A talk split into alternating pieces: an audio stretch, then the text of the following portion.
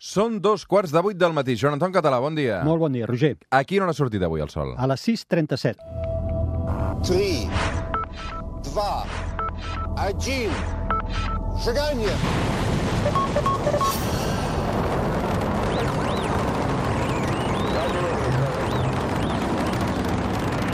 One small step for man.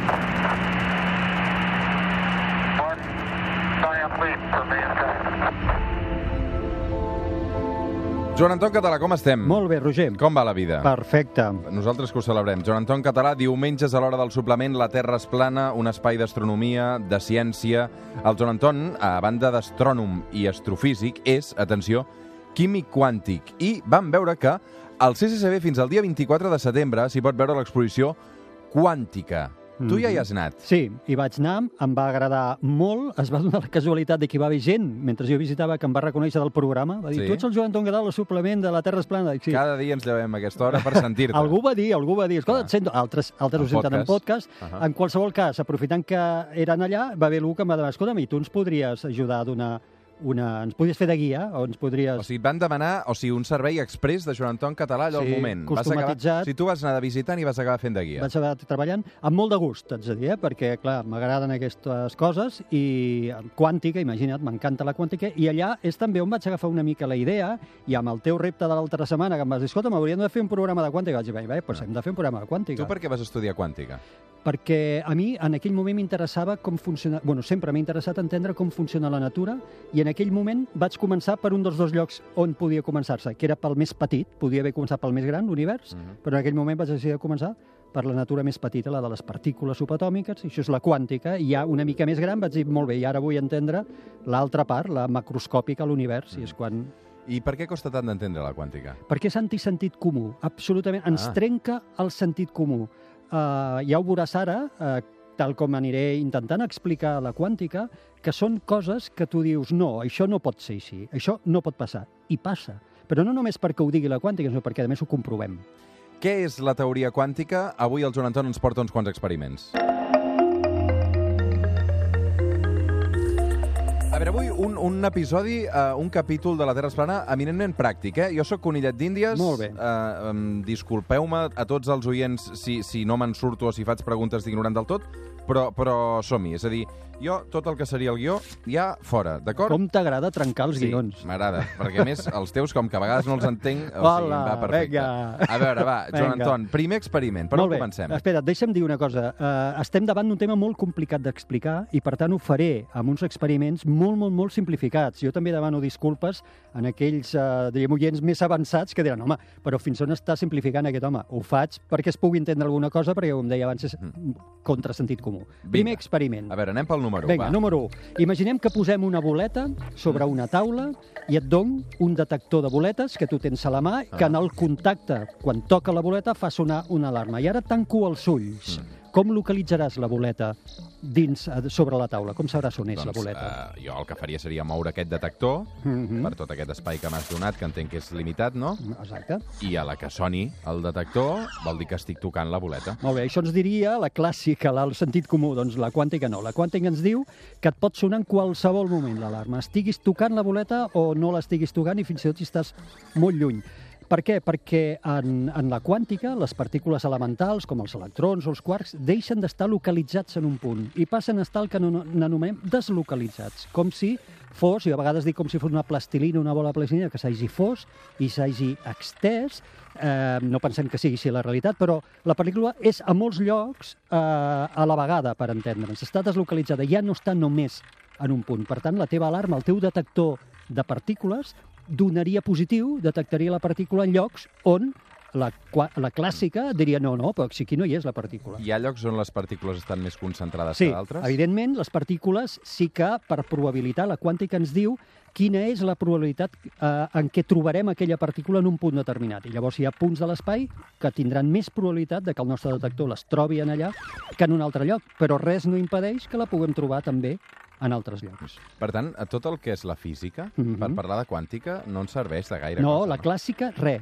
És a dir, la destrossa absolutament. I per això és mecànica quàntica, és que igual que la relativitat general, que també n'hem parlat alguna vegada al programa, són les dues grans teories científiques que tenim avui, que intenten explicar la natura, i la quàntica ho fa del món subatòmic, però com veus, amb coses que són antisentit comú. Per tant, equacions de física no ens serveixen. No. Quines equacions fem servir per parlar de quàntica? Hem d'anar a unes equacions que es diuen funcions d'o- d'ona, que la funció d'ona el que ens diu és que per estudiar el comportament d'una d'aquestes partícules ja no anem a on està o quina velocitat té, sinó anem a una funció que ens dibuixa en l'espai quina és la probabilitat de trobar-la en un lloc determinat. I, per tant, són com ones, com funcions que dibuixen unes zones, per entendre'ns, de probabilitats, de pics de probabilitat. I bueno, aquí és molt probable que la trobis, però també la pots trobar aquí, també la pots trobar aquí, també la pots trobar allà. Segon experiment. Val, A veure, Joan Anton, compliquem una mica més la cosa, perquè jo crec que de moment anem bé. Vale, doncs mira, anem a complicar-ho perquè cada cop l'experiment serà més complicat. Agafem aquesta boleta Sí. i el teu detector super de boletes i agafem la boleta i la posem dins d'un got que té unes parets tan altes, aquest got, que la boleta no les pot saltar. I ara, amb el teu eh, detector de boletes, vas fora del got i intentes trobar... Penses que et sonarà l'alarma a fora del got? Mm, teòricament no pot sortir-ne, no, la bola? No, no pot Per sortir-ne. tant, no pot sonar. no pot sonar. Eh? Això ens diria el sentit comú. La- En quàntica et sonarà.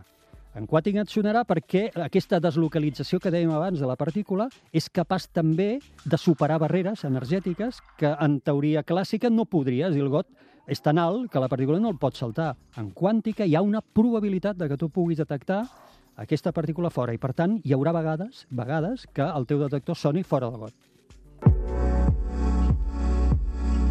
Som al Suplement, som a Catalunya Ràdio, avui amb el Joan Anton Català amb la Terra es plana. Intentem entendre què és això de la quàntica, ho estem fent amb experiments, n'hem fet dos, o hem posat dos exemples molt pràctics, molt gràfics, que tots eh, podem tenir al cap. A veure, el tercer experiment, Joan Sí, Anton. deixa'm dir que aquest segon es diu l'efecte túnel. Efecte túnel. Efecte túnel en quàntica, que és l'efecte de poder detectar una partícula en llocs on seria impossible detectar-la. Mm. Molt bé. Tercer... Tercer, experiment de la teoria quàntica. Perfecte. Llavors, agafem la boleta famosa i li instal·lem ara un petit dispositiu a sobre que fa que al cap d'un minut aquesta boleta s'il·lumini.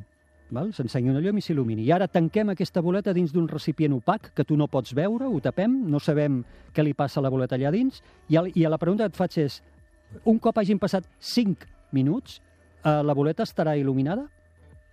Crec que sí que estarà il·luminada, no? Ah, això és el que contestaríem normalment, no? Si s'encén el minut, està... doncs en quàntica no. I en quàntica no ho sabem, la resposta no ho podem saber, i parlarem de probabilitats. Llavors hi ha una alta probabilitat de que la bola estigui il·luminada, però podria ser fins i tot que no ho estés, a pesar de que tot sembla indicar que passat un minut sempre hauria d'estar il·luminada.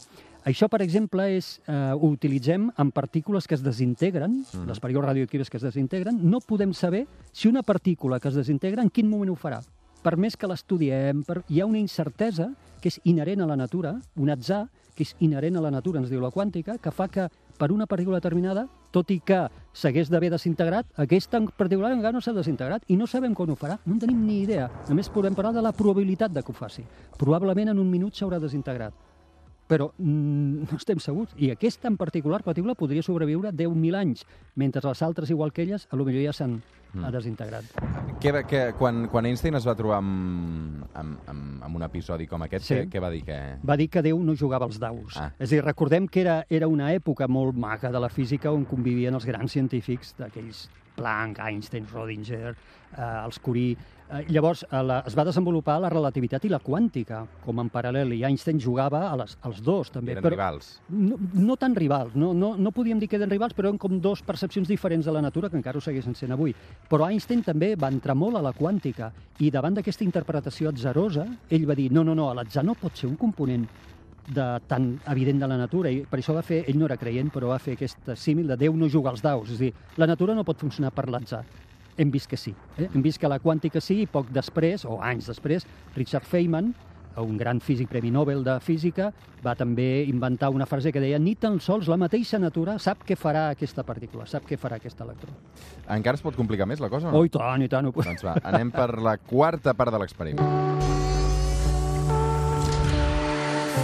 Tornem amb el recipient d'abans, eh? Vinga, i tenim la pilot, eh, la boleta que li hem posat aquest dispositiu que la il·lumina al cap d'un minut. Tornem a tancar Mm. la boleta. I hem vist que no podem saber si al cap de 5 minuts la boleta estarà il·luminada o no. Però la pregunta que et faig és, en un moment determinat, el que sigui, com estarà la boleta? Podem preveure un estat únic d'aquesta boleta en un moment determinat?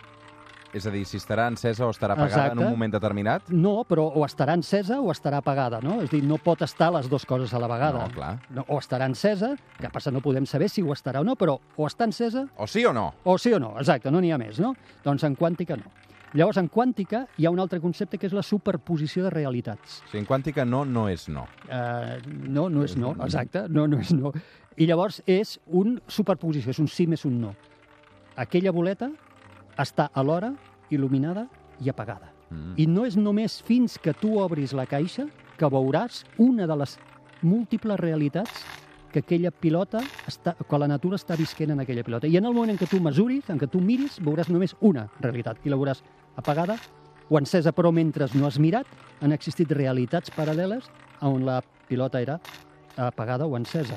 Com es diu aquesta paradoxa? La del gat de Rodinger, molt famosa, eh? Que Rodinger. la va fer el Rodinger eh, mentalment, afortunadament no ho van fer un gat, i era eh, és això de la boleta, però agafes un gat, el poses dintre d'una caixa on hi ha un element radioactiu que es desintegra, i hem vist abans que no pots preveure el moment en què ho fa, i quan es desintegra es dispara un gas que mata el gat. Tanquem la capsa i deixem passar el temps. I ara la pregunta és com està el gat? I Mort. llavors, mort o viu, depèn, no? No, doncs la quàntica, la interpretació radical de la quàntica diu que alhora està viu i mort, i que no és només fins que tu obris que una d'aquestes dues realitats es farà evident, i estarà o viu o mort.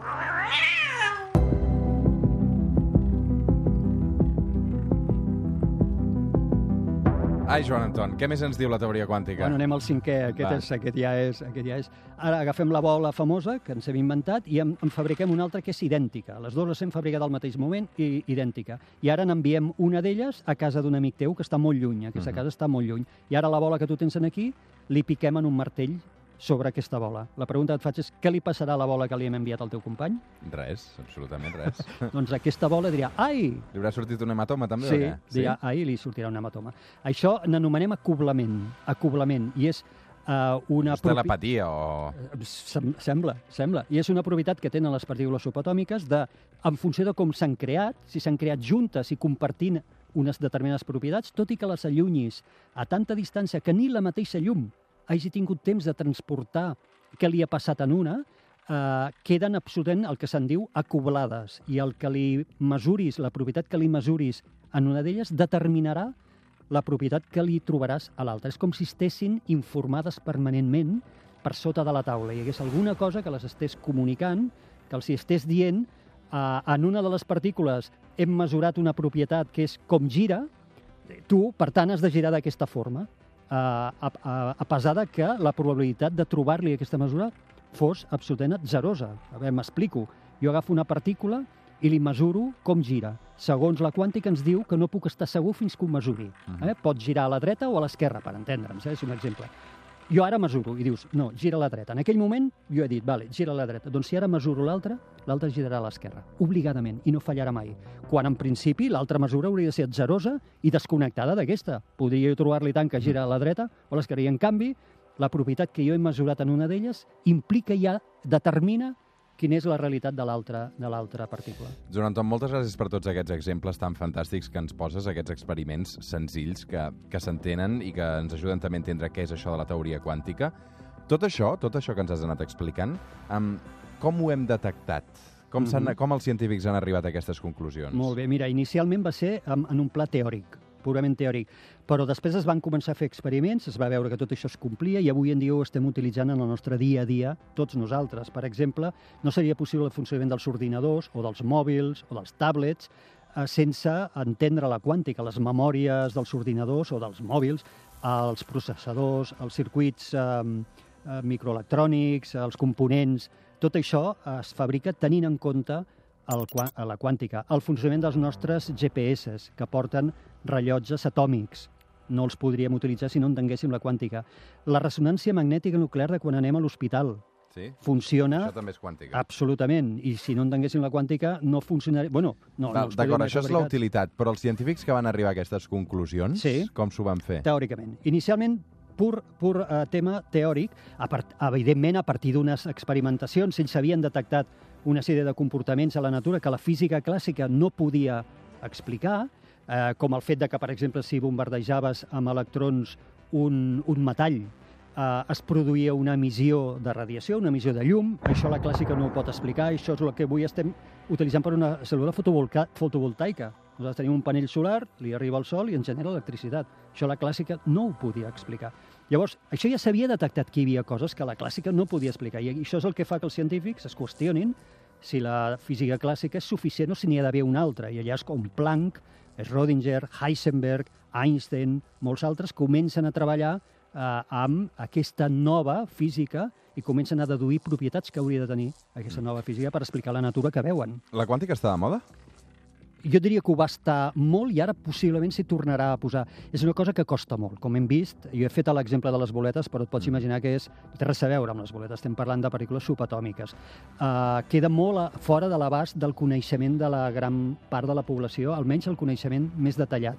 Però jo penso que es anirà posant de moda perquè anirem veient esdeveniments i eh, innovacions com els ordinadors quàntics que vindran del món de la quàntica i que, per tant, n'acabarem sentint parlant sí o sí i d'alguna forma tots haurem de ser una mica educats o tenir una mínima cultura almenys de què significa la quàntica.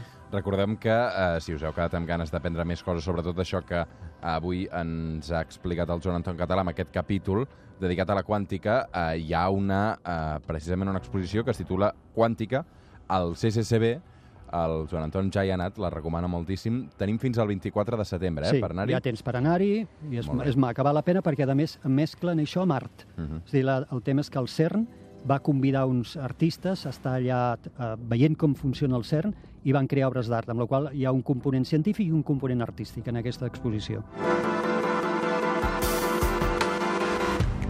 Joan Anton, què ha passat a Mercuri aquesta setmana? Deixo la quàntica eh, de banda, Mhm, ja? molt bé. perquè, perquè he vist que ha tornat a estar d'actualitat. Per què? Perquè, mira, Mercuri és un planeta que és molt més petit que la Terra, és un 40% de mida aproximada de la Terra, i tot i això sabem que té un nucli metàl·lic, i ara els nous estudis el que ens diuen és que aquest nucli metàl·lic que té, que és un nucli metàl·lic sòlid, rodejat d'un nucli metàl·lic fluid, viscós, és tan gran com el que té la Terra, sent Mercuri això, eh, 60, un 60% més petit que la Terra, té un nucli metàl·lic d'igual mida que la Terra.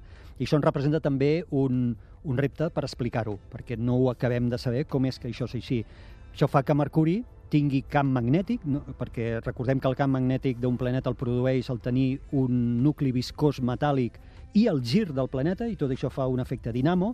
Mercuri té aquest, eh, aquest nucli viscós, el que passa que Mercuri gira molt lentament, amb 58 dies dels nostres ell dona un tom. I per tant, tot i tenir el nucli metàl·lic tan gran, igual que la Terra, al girar tan lent, el seu camp magnètic és molt feble, però existent, existent, a diferència del de Mart. Mercuri es veu un llu? Uh, sí, hi ha èpoques de l'any que l'estem veient. En aquest moment Mercuri està situat de matinada, però ara és molt, molt difícil de veure perquè va molt baix amb l'horitzó. Qui tingui interès de saber quan es pot veure Mercuri, allà faig la falca, el llibre Guia d'observació del cel per nois i noies diu, hi ha les taules que diuen d'aquí a l'any 2025 per cada planeta quina és la millor època de l'any per veure'l i on, on trobar-lo. Fantàstic, meravellós. El que sí que es veu aquests dies és Júpiter i Saturn. Sí, Júpiter i Saturn fa temps que els tenim, cada cop s'aixequen més de l'horitzó i es van passant cap a la, a la segona part de la nit anant cap a l'estiu, ells ja van cap a l'estiu, i a l'estiu, d'aquí a molt poquet, els tindrem en perfectíssim situació per mirar-los amb qualsevol instrument, prismàtics o telescopis. Això serà entre el juliol i l'agost, estaran perfectes. Uh -huh. Joan Anton, moltes, moltes gràcies per il·luminar-nos un cap de setmana més amb aquest La Terra es plana. Gràcies a tu, Roger. Una abraçada ben forta. Igualment. Fem una pausa i aixequem aquest diumenge al suplement. Fins ara.